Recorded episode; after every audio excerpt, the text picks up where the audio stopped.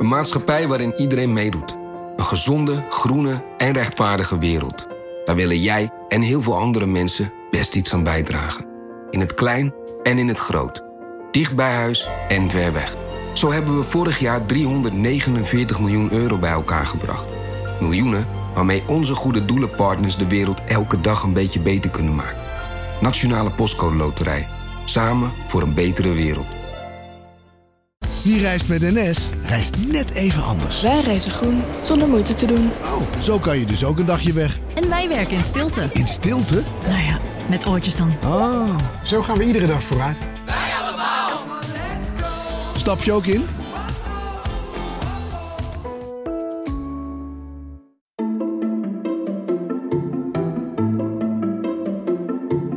Welkom. Wij zijn Onderhaarde Apen. Dit is een podcast van NRC over wetenschap.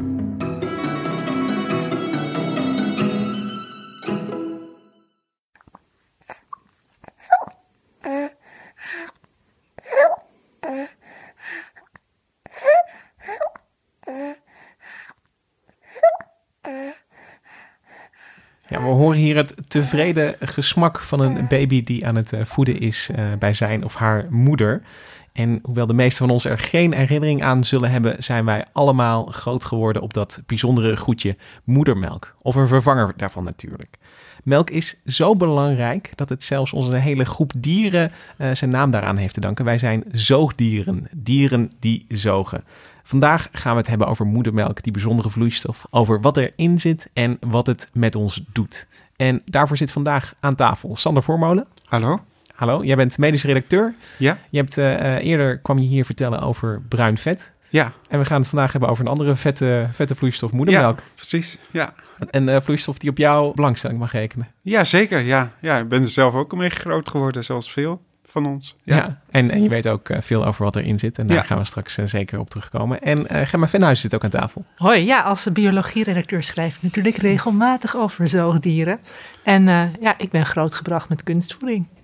Oh ja. Nou ja, kijk. En ik, eh, ik, mijn naam is Lucas Brouwers. Eh, nou ja, nu iedereen het zo bekend heeft, eh, ben ik zover ik weet. Want ja, zoals ik al zei, ik heb er geen herinnering aan. Maar zover ik weet ben ik ook, heb ik ook moedermelk gehad. Doet me weer een beetje denken aan die ben je een kutkind of een keizerkind eh, aflevering. Maar Ja, in mijn geval dus een keizerkind met moedermelk. ja. Ja. Ja, ik heb mijn moeder ook nog even gevraagd. Het was eh, iets van zes of acht weken. Maar ze moest wel diep graven in de geheugen. Hoe dat ook alweer weer ging. herinneren. Mijn ouders die Ja. vertellen altijd enigszins besmuikt lachend hoe ze een keer midden in de nacht waren wakker geworden en toen niet goed de dop op het flesje hadden gedraaid. Waardoor die hele eh flats met eh, kunstvoeding in mijn gezicht terecht kwam. die, eh, die pap. En eh, toen moesten ze allebei heel hard lachen en ik ook gelukkig. Nou, dan hebben we alle anekdotes al uit de weg geruimd volgens mij. Dus dat is, dat is wel goed. Over het eh, geven van borstvoeding kunnen de, de emoties tegenwoordig eh, hoog eh, oplopen. Over het wel of niet moet. En misschien is het goed om aan het begin alvast te zeggen... dat we ons daar niet zoveel mee bezig gaan houden. We gaan het gewoon ja, puur bekijken als... We gaan de moedermelk eigenlijk tegen het licht houden. We gaan het hebben over wat erin zit, wat het doet... en ook hoe kunstvoeding dan gemaakt wordt... En eh, een van de opvallendste eh, dingen waar ik achter kwam eh, toen we het hierover hadden, Sander, was dat moedermelk eigenlijk nog niet zo goed begrepen wordt. Of dat er nog heel veel onduidelijk over is. Ja, dat klopt, ja. ja. We weten natuurlijk wel, kunnen natuurlijk wel analyseren wat erin zit. Maar de samenstelling verandert voortdurend van vrouw tot vrouw. En ook per voeding zelfs.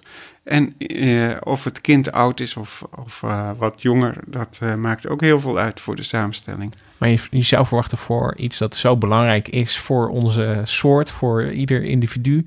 Eh, dat, dat de wetenschappers in de rij staan om eh, de- dat moedermelk helemaal eh, uit te eh, pluizen en, en eh, door te lichten. Maar dat valt eigenlijk een beetje tegen. Ja, dat valt nog wel tegen, ja. Ja, en ja. eh, je hebt in het verleden voor de krant heb jij wel een onderzoeker van moedermelk gesproken. Ja, Katie Hind. Ja, Ja, Katie Hind. En zij, eh, ja, zij is een van de weinige onderzoekers die zich wel bezighoudt met moedermelk. At the National Institutes of Health in Washington, D.C., is the National Library of Medicine, which contains 25 million articles, the brain trust of life science and biomedical research. And we can use keywords to search that database. And when we do that, we discover nearly a million articles about pregnancy, but far fewer about breast milk and lactation. When we zoom in on the number of articles just investigating breast milk, we see that we know much more about coffee, wine, and tomatoes. We know over twice as much about erectile dysfunction. Ja, hi- hiermee zet ze het wel heel mooi neer natuurlijk. Ja, ja, ja, precies, ja. Maar ja, ze telt alleen het aantal artikelen natuurlijk. Maar eh, ja, dat zegt natuurlijk nog niet alles. Maar het is wel illustratief voor hoe weinig we er eigenlijk van weten. Ja. Ja, En koffie is ook gewoon heel belangrijk voor veel mensen. ja precies. Ja. Moedermelk voor volwassenen. Ja, moedermelk vergeten we eigenlijk gewoon. Als we, als we niet meer klein zijn, dan is het niet meer belangrijk.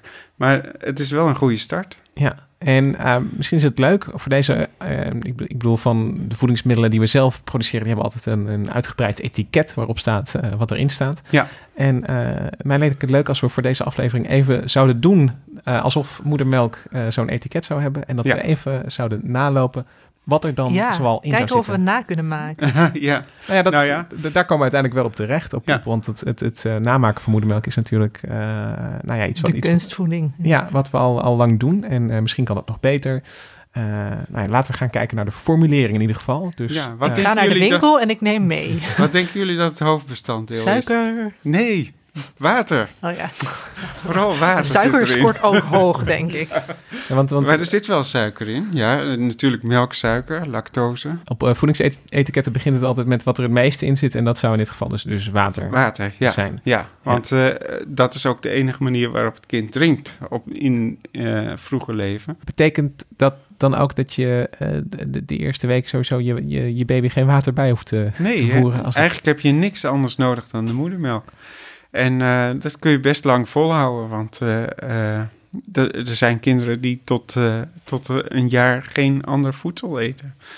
dus, dus, dus, eigenlijk al, al hun, hun volledige waterbehoefte echt uit Ja. de moedermelk halen. Maar ja, de meeste ouders beginnen toch wel al eerder met wat vaster voedsel, zo langzamerhand. En dan wat kunstvoeding erbij. Want voor moeders is het natuurlijk ook wel een hele opgave om iedere keer borstvoeding te geven. Ja. En om de paar uur te voeden. Ja. Dus eh, Ja, in, Ja. De moderne, in de moderne tijd hoef je niet eh, precies, een, een ja. jaar lang vol te houden. Ja. En eh, als, je, als je dus met, met water vooraan zit, van dat zit er het meeste in, kunnen, kunnen we dan een, een nieuw stapje zetten op het etiket? Wat, wat zit er na water het meeste in moedermelk? Ehm, ik denk dat je, ja, dan, dan moet je denk ik in gramma gaan rekenen. Eh, dan, eh, dan kom je op vet, denk ik. Eh, vet zit er veel in en dat is een belangrijke voedingsstof ook voor de baby. Ja, dat, is het dan zo dat dat vet in de baby gelijk wordt, wordt, wordt omgezet in, in energie? Wordt het verbrand of slaat hij ook wat op? Ja, hij slaat ook wat op, maar het wordt natuurlijk eerst opgenomen en weer afgebroken en weer vastgelegd in, in vetlichamen. Zo kan de baby ook een eigen reserve opbouwen. Maar de meeste eh, energie voor de baby komt dan ook uit vet en niet uit suikers. Niet uit suikers, nee. Ja, het zit er wel in. Er zit wel veel eh, lactose ook in. Ja. Dat is de melksuiker. Eh, die wordt eh, gebruikt eh, voor, voor de snelle energie, zeg maar. Hij levert snel glu- glucose ook op aan de baby. Dat is eh, zeg maar gewoon de dagelijkse energiebehoefte. Maar de echte opvetten, dat doet een baby dus echt met vet.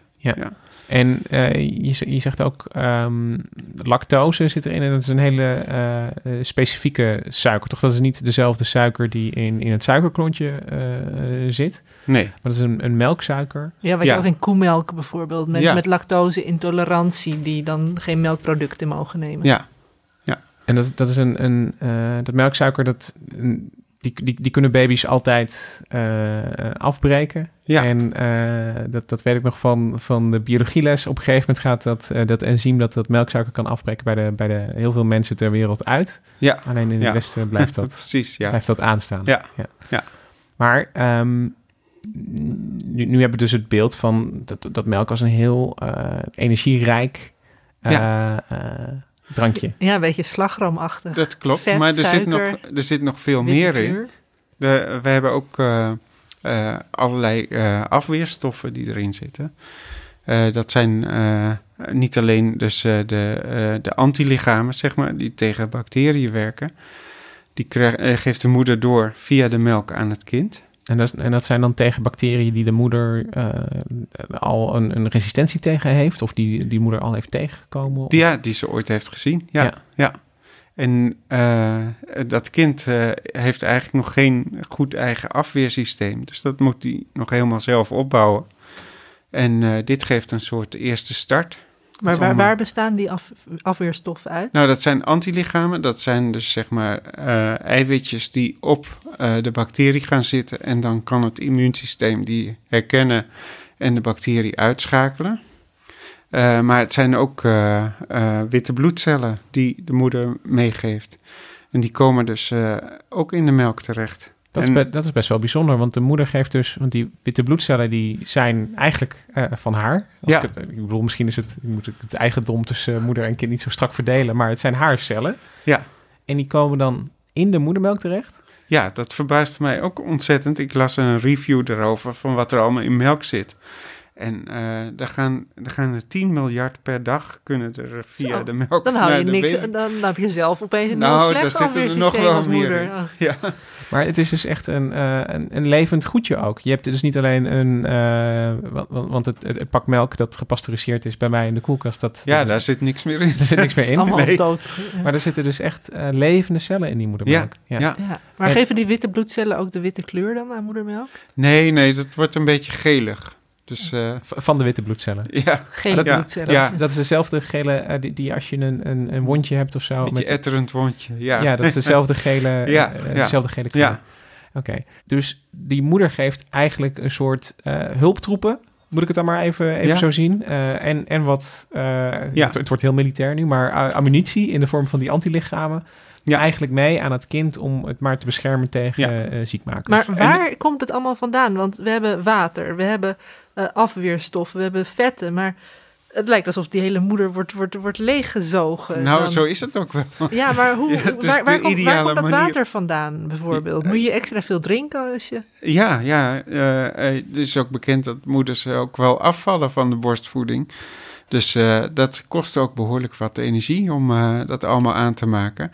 En het water wordt natuurlijk ook gewoon uit het eigen bloed vrijgemaakt. Ja, en Door- dan Door de kliercellen. De, klier, de, de, de melkklieren in de borsten. Ja, want ik heb precies. zelf geen kinderen. Zijn Nee. mijn melkklieren dan ook actief of niet? Ja, op een heel laag pitje, maar, maar niet eh, zo. eh, ja, in de loop van de zwangerschap eh, worden, worden de borsten groter. En als het kind geboren is, dan komt die melkproductie op gang. En door de, doordat het kind aan de borst zuigt, eh, wordt die melkproductie nog verder opgejaagd. En dan komen de klieren dus in directe verbinding met het bloed te staan. Eh, ja, ja. En, en, dus als het, en je zegt ook, als het niet wordt afgenomen, zeg maar, de, de productie, dan, dan stopt het ook. Ja, Ja. Dat, ge- eh, dat gebeurt ook. Eh, eh, moeders die stoppen met borstvoeding geven, eh, die, die eh, moeten het wel zorgvuldig afbouwen. Want als je dus eh, denkt van, nou, ik ga mijn kind nog twee keer per dag voeden, dan moet je daar wel rekening mee houden dat het ineens helemaal kan stoppen. Omdat het, eh, ja, dan is die prikkel weg Ja. en dan stopt het gewoon. Ja. Ja. En, en eh, op de ingrediëntenlijst zijn we nu hele energierijke stoffen tegengekomen, zoals, zoals vet en suiker. En eh, er zit dus ook een heel groot gedeelte ja, afweer Ja. eigenlijk in. Ja, dat is, er zitten ook nog allerlei hulpstoffen in die de afweer nog verder helpen. Bijvoorbeeld eh, hele complexe eh, suikermoleculen. Eh, die zijn voor het kind niet belangrijk, want die hebben geen voedingswaarde. Het kind kan het niet afbreken. Maar des te belangrijker is dat voor de darmbacteriën van het kind. Want die kunnen dat wel weer als voedingsstof gebruiken. Nou, wacht eens even, dus niet alleen het kind eet van de moedermelk, maar ook, ook Ook bacteriën eten al Ja, ook dat hele microbioom dat ook nog weer in het Ja, kind ja, woont. precies, ja. Ja. En, en is dat zo, eh, zijn het dan ehm, bepaalde suikers die ook eh, interessant zijn voor bepaalde bacteriën, zodat, zodat het, eh, het, het microbioom zeg maar alvast een goed zetje krijgt? Ja. Is dat het idee? Ja, eigenlijk is dat een soort sturend eh, ingrediënt. Want eh, juist de bacteriën die goed zijn, die profiteren hiervan. En die eh, kunnen dat wel een beetje afbreken. En die zenden daarmee ook weer signalen naar het kind toe, waardoor de, waardoor de voedingsstoffen beter worden opgenomen. En zo grijpt het allemaal in elkaar. Wat dit allemaal onderstreept volgens mij is, is wat voor ontzettend uh, moeilijke tijd die eerste uh, paar maanden zijn. Want als kind kom je uit een steriele omgeving. De baarmoeder is, is, is helemaal afgesloten van, van bijna alles ongeveer. En, en, en, en, ineens ben je in een, in een wereld uh, uh, waar overal uh, bacteriën zijn, dingen die je ziek kunnen maken. Maar je hebt ook weer andere bacteriën nodig, anders ga je het ook niet redden. Ja. En, en die moedermelk is dus, en, en dat snap ik nu pas, nu je het zo hebt uitgelegd over die afweercellen en die antistoffen en die voedingsstoffen voor het microbiome dat moeten ze eigenlijk, en is dat een soort voorbereidend, ja, een, een, een, een drankje wat, wat Ja. het af, in ieder geval een beetje in goede banen leidt. Je zou het een soort verlengde placenta kunnen noemen. Placenta milkshake. ja, precies. Is ja. dat iets wat jij hebt bedacht? Of, ja, of ja, dat eh? uh, bedenk ik nu ter plekke. Goed, Ja. maar we, we mixen dus water samen met vet, eh, lactose, andere complexere suikers, ehm, antistoffen, eh, witte, witte bloedcellen. Ja? En dan hebben we moedermelk. Ja, ja, maar het, het is nog steeds een heel complex mengsel. Dus eh, als je eh, de, de flesjes naast elkaar zou zetten van verschillende moeders, dan zou je overal een andere ingrediëntenlijst hebben. Ook als je het, eh, de avondmelk met de ochtendmelk gaat vergelijken. En wat de moeder gegeten heeft. En wat de moeder gegeten heeft, ja. En dus ook eh, met wat voor een antistoffen erin zitten. Van waar, met welke bacteriën is de moeder in aanraking geweest. Voedsel- Waar- en wagenautoriteiten zouden zich geen raad weten. Ja, en daarom nee. mag je natuurlijk ook geen alcohol drinken als je borstvoeding geeft. Precies, ja. Al, eh, eh, dus eh, daar hebben we het nog niet over gehad. Maar alle eh, goede stoffen zitten in moedermelk. Maar als je dus eh, in een vervuilde omgeving leeft... dan kunnen die stoffen ook wel in de moedermelk terechtkomen. Bijv- Bijvoorbeeld is bekend van eh, PCB's. Dat zijn dan eh, ingewikkelde organische moleculen... die, die eh, bijvoorbeeld bij afvalverbrandingsinstallaties voorkomen. Die komen dus in de melk terecht. En weekmakers, als je als Ja. moeder veel uit een plastic flesje drinkt bijvoorbeeld. Ja, zou ook kunnen, ja. Ja. En, en dus je, je zou eigenlijk kunnen zeggen dat, dat eh, die melk is eigenlijk een soort eh, afspiegeling van, van het bloed van, van de moeder. Dus, dus alles, weet je, of daar nou, eh, ja, daar kan alcohol in zitten, maar er Ja. zitten dus ook witte bloedcellen in. Dus en bacteriën zitten erin. Dat, wacht even, Sanne. Oké, dus we, we hebben en afweercellen en bacteriën tegelijkertijd Ja. in hetzelfde, eh, Ja. het idee hetzelfde is dan dat de, dat de goede bar- eh, darmbacteriën, die zitten ook in die melk. Maar er is nog een hele discussie over waar die bacteriën dan vandaan komen. Want, En hoe eh, ze vanuit de darmen in de melk terechtkomen. Ja, precies. Dus eh, eh, het kan ofwel zijn dat die bacteriën al op de huid van de moeder zitten. En dat, dat het kind dus tijdens het drinken die bacteriën toevallig oppikt. Ja, echt van buitenaf van de tepel. Maar het kan ook zijn, en dat is een, een hele wilde theorie, dat de bacteriën vanuit de darm van de moeder in het bloed komen en dan in de melkklier weer vrijkomen en dan in de, in de moedermelk terechtkomen. En zo, En zo eh, ontstaat het microbioom bij Ja. het kind. Maar dat is wel een ingewikkelde route die je daar net even, even schetst. Dan, Ja. dan zou het wel bijzonder knap in elkaar zitten eh, allemaal. ja, ja maar eh, ja, dat, daar, het is natuurlijk heel lastig te bewijzen dat een bacterie vanuit de darm van de moeder Ja. in, via de melk in het kind terechtkomt. Maar, ik heb toch ook bacteriën in mijn darmen zonder dat ik moedermelk heb gehad. Ja, Dus het is niet de enige manier. Nee, nee, nee, precies. Bij de geboorte eh, kan je ook al ingezaaid raken met nieuwe bacteriën, bijvoorbeeld. Eh, een andere theorie is nog dat, dat de bacteriën eigenlijk bij de baby vandaan komen. Dus ze zien wel de bacterie in de moedermelk, maar doordat die bacterie ook in de mond van de baby komt, dan eh, kan er een beetje spuug in de melkklieren komen, waardoor de, die bacterie in de melk doordringt. Dat het eigenlijk de andere kant op gaat. Ja. Dat, dat de bacteriën in de melk terechtkomen vanwege het kind. Ja. Eigenlijk. Ja. Oké, maar er zit in ieder geval, als je gaat meten, vind je bacteriën Ja. in de melk. Ja. En, en waar ze vandaan komen is, is op dit moment nog, nog anyone's guess. Ja, ja er Ja, zijn alleen theorieën over, ja, Ja. maar niet bewezen. Nee, maar je kunt je eh, in, in het ehm, ja, beste geval is het net zoals probiotica zeg maar aangelengd is met, met eh, goede bacteriën. eh, zou het kunnen zijn dat dat ook met moedermelk aan de hand Ja. is. Maar dat weten we nog niet zeker. Nee. Hoeveel, hoeveel liter drinkt een baby? eh, nou ja, op een dag misschien geen liters, maar Nou ja, zo'n 600 milliliter, zo eh, ongeveer. Maar eh, de productie van, eh, van een vrouw kan veel hoger zijn. Dus je kunt wel tot wel anderhalve liter per dag eh, produceren als vrouw. Ja, dat is natuurlijk handig als je een tweeling Ja, hebt. ja. En, en het, eh, eh, ik kan me voorstellen dat je de, de belasting ook een beetje over beide borsten wil verdelen. ja, tuurlijk. Ja.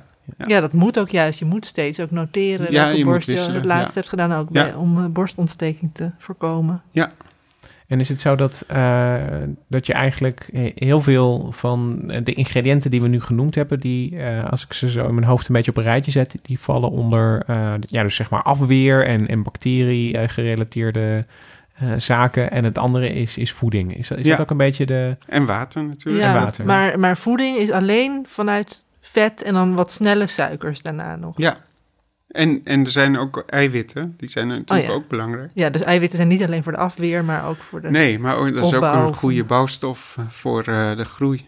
En, en zijn er dan speciale voedingseiwitten die erin zitten? Wordt, wordt het eiwitgehalte gewoon een beetje omhoog eh, gepompt met een soort generiek eh, eiwit van eh, eh, hier? Ja, het generieke eiwit is de albumine. Dat is een heel doodsimpel eiwit. Maar, Ja. maar er zitten ook hele complexe eiwitten in... die ook weer een functie hebben bij, bij eh, het tegengaan van verkeerde bacteriën... en schimmels en dergelijke. Ja. Dus bijvoorbeeld eh, lactoferrine is zo'n stof. Dat is een eiwit dat heel goed ijzer kan binden. Maar als die bacteriën tegenkomt, maakt hij een soort klontjes... waardoor die bacteriën, de schadelijke bacteriën... makkelijk afgevoerd kunnen worden via de poep. Een soort uh, Zwitsers zakmes, dat lactoferine. Ja, eigenlijk wel, ja. je kunt het opeten en, en je hebt er gewoon dus, dus ijzer en, en eh, Ja. eh, voeding hou je eraan over. Maar je kunt het ook inzetten tegen, eh, tegen slechte bacteriën. Dus, dus ons ingrediëntenlijstje is nu compleet? Nee, er zitten ook nog heel veel hormonen in. en Je blijft maar dingen uit je ogen Ja, ja, ja. halen, Sander. nou, hormonen die, eh, die de moeder zelf maakt, eh, die, die gaan via de moedermelk ook het kind in. En daar hebben ze belangrijke functies voor de eh, stofwisseling, eh, de, het, eh, eh, de groei van eh, bepaalde organen. eh, en eh, er zit bijvoorbeeld ook EPO in.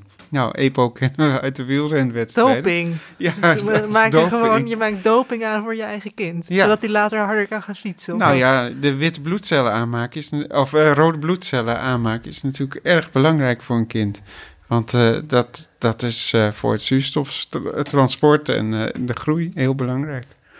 En je noemt het doping. En, en met, aan doping hangt een beetje het oneerlijke, eh, ja, weet je, het, het on- oneerlijke voordeel dat je eraan hebt. Maar EPO is natuurlijk eigenlijk een, een lichaams-eigen stof waarvan later pas eh, Ja. eh, bekend werd van hé, hey, dit kunnen we ook Precies, ja. eh, Ja. inzetten voor, eh, ja. Oh, dus we hebben allemaal een basishoeveelheid EPO, maar Ja, je kunt Ja, nog toch? Je hebt, precies, je hebt ja. een na- natuurlijke EPO eh Ja, eh, voor maar- toch? Iedereen. Maar er zit nou ook weer niet zoveel EPO in dat het geweldige spierbonken worden die met gemak de Tour de France uitfietsen. Maar eh, nee, het is voor, eh, gaat om hele kleine hoeveelheden, maar die wel essentieel zijn voor, voor de aanmaak van die rode bloedcellen. En zijn dat dan echt alleen fysieke hormonen of gaat het ook om hormonen als serotonine, eh, dat je, eh, weet ik veel, je geluksgevoel ook kan eh, Ja. bijsturen? En, en ook het stresshormoon, Cortisol. Dat, cortisol wordt ook vaak genoemd. Want eh, eh, dat wordt teruggevonden in moedermelk. dat wordt teruggevonden in moedermelk. Maar de, de vraag is of dat ook eh, schadelijk is voor de baby. Of Oh, die eh, ja. bijvoorbeeld een huilbaby eh gestrest raakt door de cortisol van zijn moeder. En, en je moet je natuurlijk altijd afvragen van, kan het uiteindelijk, want, want het gaat die babydarmpjes in.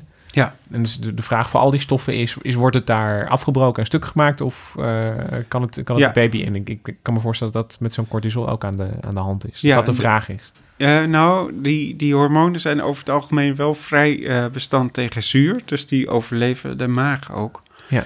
Dus die komen verder dan dat. Dus die kunnen dan ook wel opgenomen worden door de baby. En medicatie natuurlijk. Als de moeder medicijnen precies, slikt, ja. zal het ook niet altijd eh, mogen. Nee, nee. En er zijn eh, inderdaad. En als een moeder drug, druggebruiker is, dat is ook niet echt bevorderlijk voor de gezondheid natuurlijk. En, eh, en alcohol is om die reden slecht. Roken. Eigenlijk, eh, eh, ja, bijvoorbeeld cannabis hebben ze ook van gevonden dat dat terugkomt in de moedermelk, de, de eh, THC-stoffen.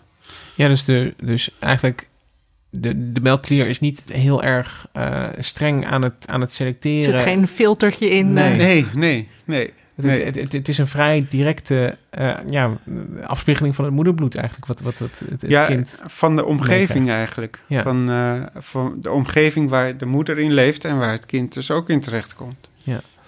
Kunnen we hier eh, in onze verkenning van, van de ingrediëntenlijst... Ik bedoel, ik, ik, ik weet zeker dat er nog meer eh, Ja. eh, hormonen en stoffen zijn... die jij in je achterzak ergens paraat hebt. Maar kunnen we hier voor, voorzichtig een, een streep zetten onder, onder, de, onder de lijst... en zeggen van, van nou ja, dit zit er ongeveer allemaal in? Of, Ja. of, zit er nog, toch nog eentje... Ja, behalve dan dat, de, dat, de dat er ook een heleboel variatie kan zijn in de, in de inhoud van de melk. En bijvoorbeeld eh, eh, de melk die het eerst uit de borst komt, is, heeft dus bijna geen vet, is heel dun. Oké. En de achtermelk noemen ze dat, eh, dus de melk die aan het eind van de borstvoeding eruit komt, Tijdens is juist heel één vet. voeding bedoel je? Ja, dus Ja. dat gaat van 0 naar 10 procent. Oh ja, dus je moet Dus echt wel... Wat gaat van 0 tot 10 procent? De, de vetverhouding in, de, in de melk. Het is net als bij je slaap, dat je verschillende fases eigenlijk Ja. doormaakt. Heb je tijdens één voeding ook verschillende ingrediënten. Maar wacht, Ja. dus, dus in die eerste slok eh, van het kind zit eigenlijk nauwelijks vet. Ja. En in de Ja. laatste slok zit 10 procent. Ja. Ja. Dat is, ja, dat maar is- dat is een beetje als je, weet ik veel, een eh, limonade laat staan, dat de limonade ook naar de bodem zakt. Ja. Ik bedoel, het ontmengt een beetje, toch? Maar je En- moet, eh, je moet dus de hele borst leeg drinken. Dat, eh, dat wordt ook altijd door voedingsdeskundigen Ja, gezegd. en dat is niet Ja. alleen om borstontsteking te voorkomen, maar ook echt voor het nut Dit is van het ook goed voor de baby. Ja. En, Ja. en, en, hoe, is, is vet het enige wat dan eh, wisselt in eh, gedurende een, een voeding? Of, of gebeurt het ook met, met allerlei... Ja, nou ja, dus eh, de eerste, allereerste voeding zit dus ramvol met die antistoffen en met die witte bloedcellen. Ik kreeg zelf van, van mijn oma, dat is misschien wel leuk om te vertellen, kreeg ik altijd biest. En biest is de, de eerste moedermelk van het kalf. Als, als baby kreeg je dat? Of Nee, al als kind gewoon. En mijn, mijn oma zei altijd, het is zo gezond, dan word je nooit meer ziek. En Als je dit hoe eet. vaak ben je ziek? En, en dan eh, deed ze daar een beetje kaneel door, want het is een beetje vies, slijmerig spul. En eh, nou, achteraf denk ik, ja, ze had toch wel ergens een punt. Want eh, als er zoveel antistoffen in zitten, Ja. dan, eh, dan beschermt dat eh, inderdaad tegen ziektes. En, en als je dan het hebt over eh, de eerste voeding, dan, dan bedoel je eh, de, de eerste in, in, in weken? Of, of, Ja, bij het pasgeboren kalfje. Dus dat zijn de eerste paar dagen. Als het kalf is geboren, dan komt er dus eh biesten uit. eh, of eh colostrum heet het officieel. En, en, en, En dat is bij mensen ook zo. Is dat bij mensen ook? De, Ja. Dus er zijn dus verschillende variaties door de tijd aan het beschrijven. Het eerste wat je, wat je net beschreef is in één voeding, dus, dus in één voedingssessie, zeg maar. Ja, Dan verandert dat vetgehalte. Ja. Maar, maar wat je nu beschrijft is dat het zeg maar de eerste week ook weer anders is dan de tweede, derde, vierde, vijfde week. ja. en dan eh, zo eh, de eerste zes weken verandert het van samenstelling. En dan eh, na zes weken zeggen ze, dan heb je rijpe melk. En dat blijft ongeveer hetzelfde. Behalve dan dat je dus in één voeding Ja. ook weer die verschillen kunt hebben. Ja, maar je kan je ook voorstellen dat het even gewoon een soort zoeken is naar de ultieme afstemming van moeder op kind. Ik weet niet of het zoeken Ja. is of, of dat je denkt van, nou, dat, dat- dat, dat die afweer in het, in het begin heel Ja. belangrijk is. Dat Ja, het, eh, precies. eh, En op een gegeven moment neemt de baby het zelf over met zijn eigen afweersysteem. Ja, dus dan kan Dus die meer, dan- eh, Ja. kan het bijvoorbeeld vetter worden, omdat hij dan alleen En dan gaat er meer groeien. in de groei en dan moet hij ook meer voeding hebben, dus qua volume. En eh, dat, dus de borstvoeding wordt ook meer en het wordt ook dunner. Dus eh, dat weerspiegelt dus de behoeften van het kind eigenlijk. En, en, en, maar dat is wel dus eh, ja, voor, voor alle kinderen hetzelfde. Ik bedoel, je, je ziet overal dat, dat in het begin die antistoffen belangrijker zijn dan Ja. aan het eind. Eh, maar het is eh, lastig om het bij mensen precies te meten. Dan kun je natuurlijk wel iets aan de samenstelling meten.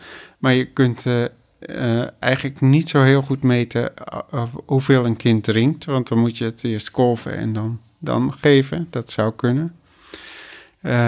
Maar eh, bij koeien bijvoorbeeld kunnen we dat veel makkelijker bekijken. En dan kun je ook gewoon eh, de, eh, analyse van de melkmachine uitlezen, zeg maar. Degene die daar onderzoek aan heeft gedaan is Katie Hind, die we net al eh, gehoord hebben. Ja.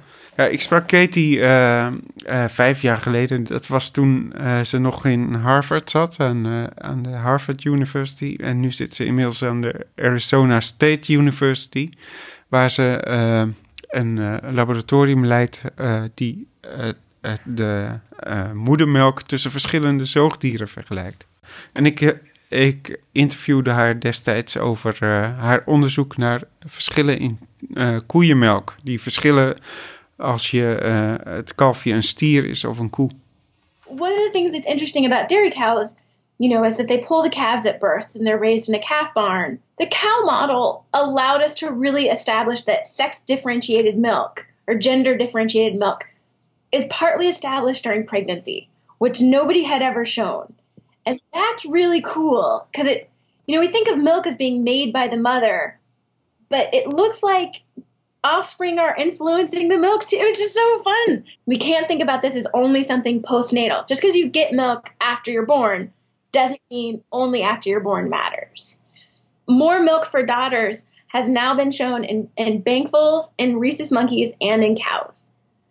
Now, have we been able to systematically follow what the long term consequences of that is?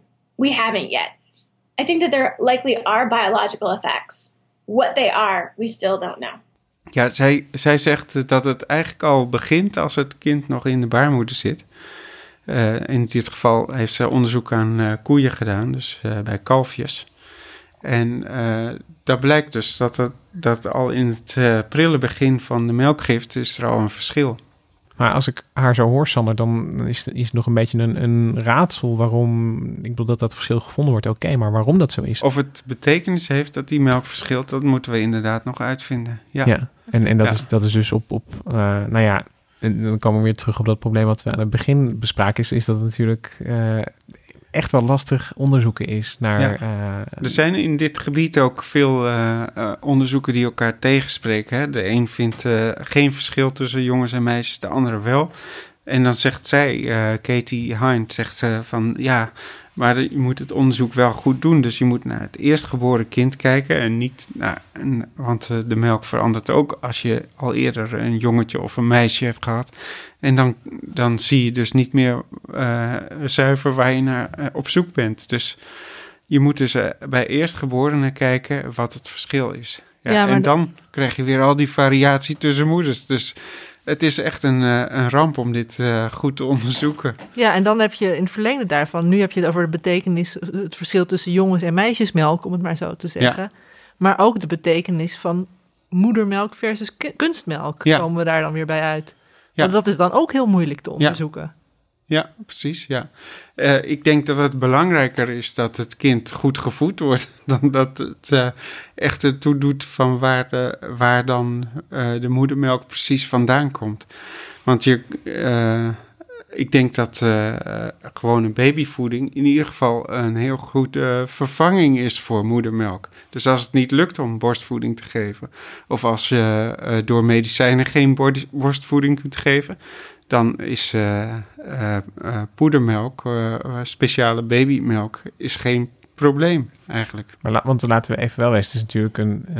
kijk, dat alle zoogdieren, die, die zijn afhankelijk van moedermelk in het begin. Ja. En dat wij mensen als enige soort erin slagen om onze baby's ook te voeden, ook al gaat het mis met, met de borstvoeding. Dat is natuurlijk een ja, een, een zegen eigenlijk. Unieke dat dat, situatie, ja. ja. dat ja. kan is al geweldig. Ja. Maar ik kan me wel voorstellen van, van al die ingrediënten die je in het begin noemde... dat, dat het niet mogelijk is om dat allemaal... of dat het heel ingewikkeld is om dat, dat in kunstmelk allemaal af te stemmen op het kind. Of, of, dus Al die afweerstoffen, dat is, wordt allemaal veel ja. te duur om te produceren. Dus eigenlijk, uh, babyvoeding is een, een soort bewerkte koemelk eigenlijk. Ja, dus vetten, suikers, eiwitten ja, zitten ja, erin. dat zit er maar, wel in. En ze moet... proberen dat ook wel af te stemmen op de leeftijd van het kind. Hè? Dus dat je dus in het begin uh, makkelijker verteerbare uh, melk hebt dan, dan later. Die wordt ook steeds vetter weet je, als, als, als die antistoffen en, en witte bloedcellen, die zitten er dan niet in. En uh, zijn, er dan toch Wordt er dan toch onderzoek gedaan naar of, of eh, kinderen met, met kunstmelk iets meer last hebben van infecties of zo? Of is daar weinig over te zeggen? Uh, ja, er, er is wel uh, onderzoek naar gedaan. En dan met name in ja, wat minder schone omgevingen blijkt dus heel duidelijk het verschil. Um, er is bijvoorbeeld in, in Nepal is een onderzoek gedaan bij moeders die dus borstvoeding gaven en moeders die kunstvoeding gaven. Bleek dat, dat er zes keer zoveel diarree was bij kinderen die geen borstvoeding kregen. Maar dat dus komt dan of door een uh, besmette speen of door besmet water? Of... Uh, dat kan, maar uh, ik denk eerlijk gezegd dat het eerder de, de beschermende stoffen in de moedermelk zijn, die dus voorkomen dat het kind diarree krijgt. En dat blijkt ook wel in het Westen. zijn er ook verschillen gevonden bij bijvoorbeeld een veelkomend probleem bij het vroeg geboren kinderen is een afstervende darm. En dat is een hele levensbedreigende complicatie. Die treedt minder op bij kinderen die echt borstvoeding krijgen dan kinderen die kunstvoeding krijgen. Ja, en is het dan zo dat uh, als je zo'n zo'n verschil in Nepal uh, beschrijft, is dat, zou het kunnen dat in de westerse wereld die, die toch uh, en wat, wat dat risico op, op het oplopen van een infectie is, is wat lager. Um, de hygiënestandaarden zijn hoger. Van, van is het dan ook wat zie je dat, dat dat verschil dan minder groot is. Ja, uh, ja. Dat, dat je in, in...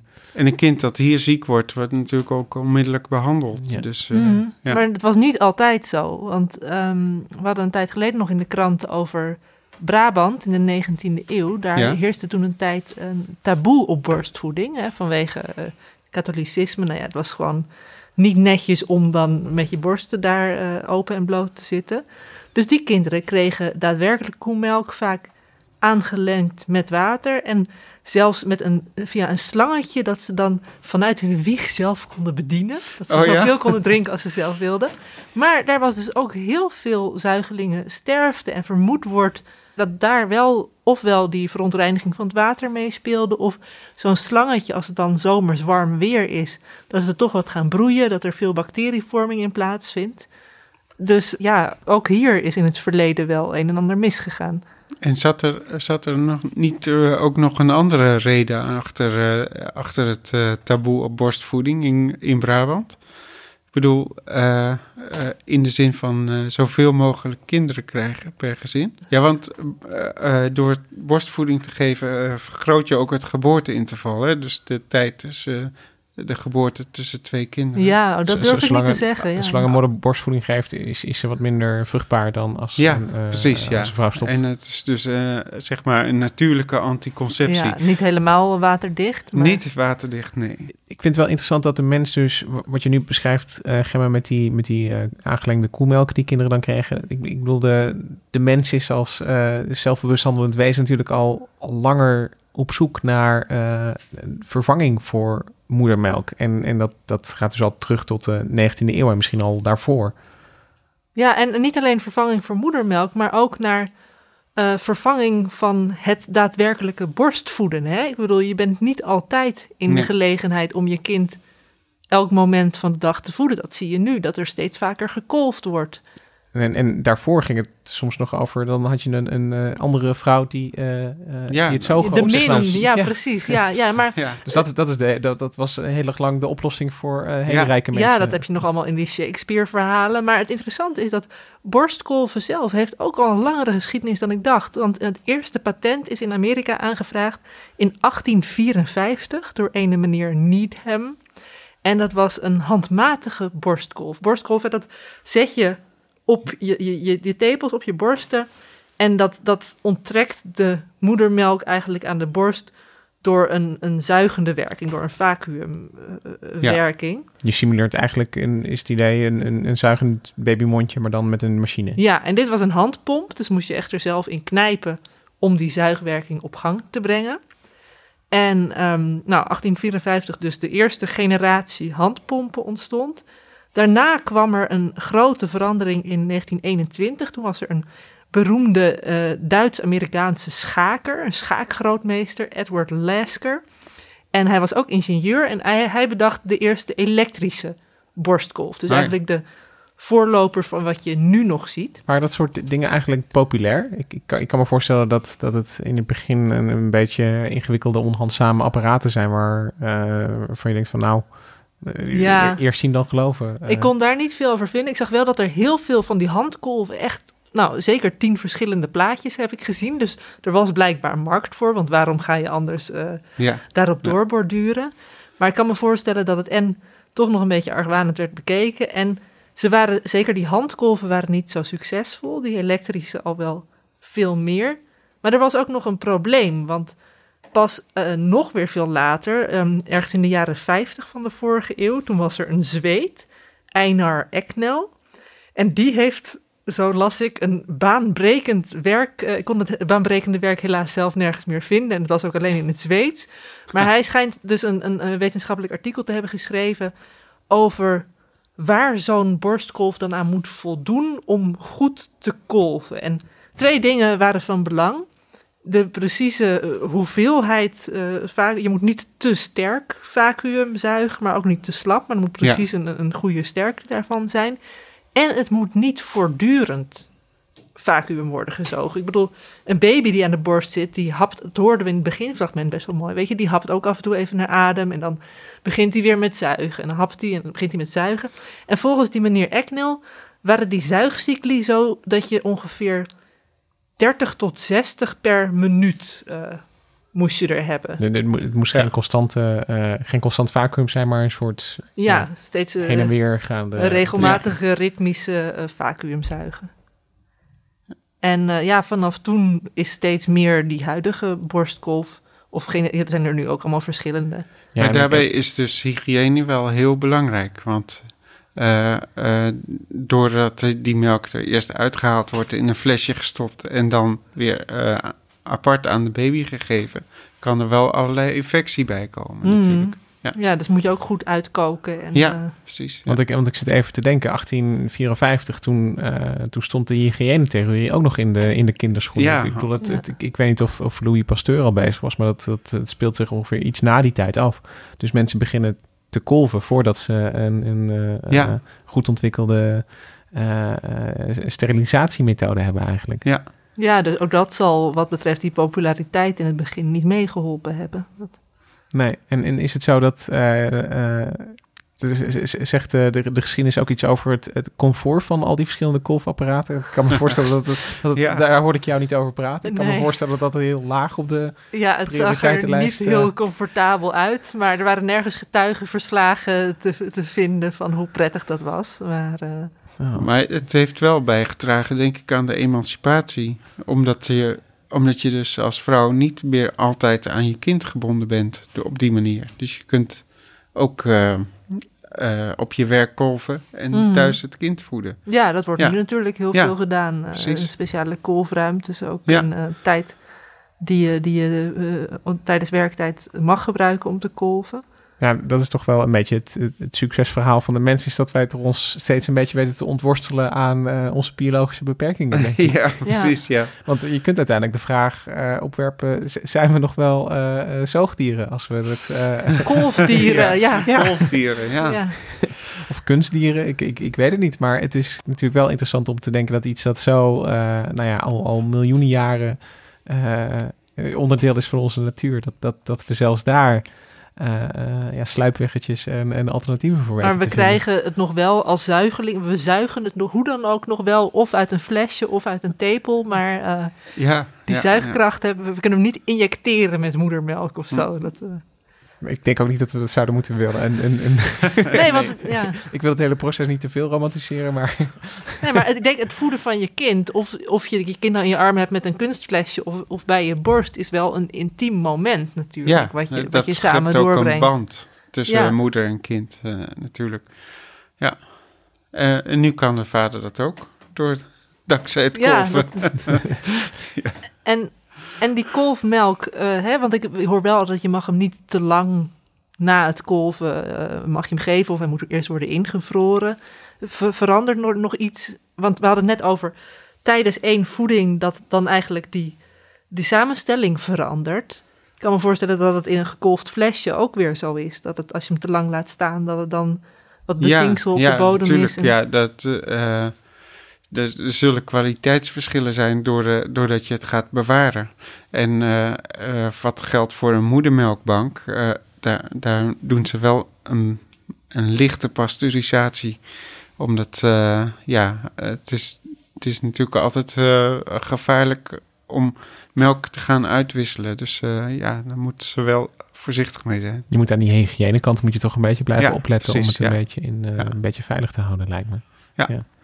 Oké, ik heb eh, da- dankzij al jouw uitleg ook eh, meer respect gekregen, eh, Sander, voor wat er, eh, wat er allemaal bij komt kijken en wat er allemaal Ja. ingaat. En, eh, Hebben jullie als mannen nou ook melkklieren? Eh, ja, je, ja, mannen hebben ook gewoon tepels. Dus er, zit wel, er zitten ook wel klieren achter. Maar eh, die zijn niet actief. die zwijgen. Die zwijgen, ja. De zwijgende melkdieren van de man. Dat is een korte podcast. Dus ik ben... Poëtisch is het ook. Ja. Ja, Gemma, wat leuk dat je poëtisch noemt. Want eh, eh, aan het einde van deze aflevering is het wel heel erg eh, leuk om te zeggen dat we eh, afgelopen week verrast werden door een eh, wel heel bijzonder mailtje van Noeska. Die had zich laten eh, inspireren door de aflevering over het eh, eh, buitenaards leven in het zonnestelsel. eh, die we opnamen met eh Eddie Echternach. En eh, die heeft daar een eh, gedicht bij geschreven. En dat eh, mocht ik voordragen hier in de aflevering. En het, het gaat zo. De aardmannen. We hebben ontdekt dat Neptunus een geheugen heeft. De hippocampus. De hel bestaat. Haar naam is Venus. Net als de hemel, het leven in de wolken. Steekt haar poten niet naar beneden. Daar woedt het helle vuur. Op Mercurius leven de schaduwwezens. Lopen mee met de grens tussen vuur en ijs. Het is een dunne lijn. Op Europa leven de wezens onder het ijs, elke scheur schuwend. Je zou het hun atmosfeer kunnen noemen. Wij creëerden de Marsmannetjes voor eeuwig op zoek naar onszelf. Mooi. mooi. Ja. Dankjewel, Noeska. Ja, echt. eh, Oh, ik zou dit wel leuk vinden. Als we nou nog meer gedichten ontvangen, kunnen we een onbehaarde apenbundel gaan uitbrengen. Ja, precies, ja. Ja, dat is nog even wachten, maar dan zou dit de allereerste eh, eh, moeten zijn. En daarna iets over die zwijgende mannenklieren. ja. Dankjewel, eh Noeska. We zijn hiermee aan het eind gekomen van eh, deze aflevering van Onbehaarde Apen. Eh Misha, Melita, bedankt voor het eh, eh, produceren van deze aflevering. Wij zijn er volgende week weer. Vergeet je niet in te schrijven voor de nieuwsbrief Onbehaarde Apen. Dan eh, krijg je naast eh, elke week een mailtje over de podcast... krijg je ook alle andere mooie stukken die eh, de wetenschapsredactie heeft geschreven die week. Krijg je dan gewoon in je inbox thuis. Hartstikke fijn, hartstikke handig. Dus doe dat vooral op de site van NRC. En dan zijn wij er volgende week weer. Tot dan.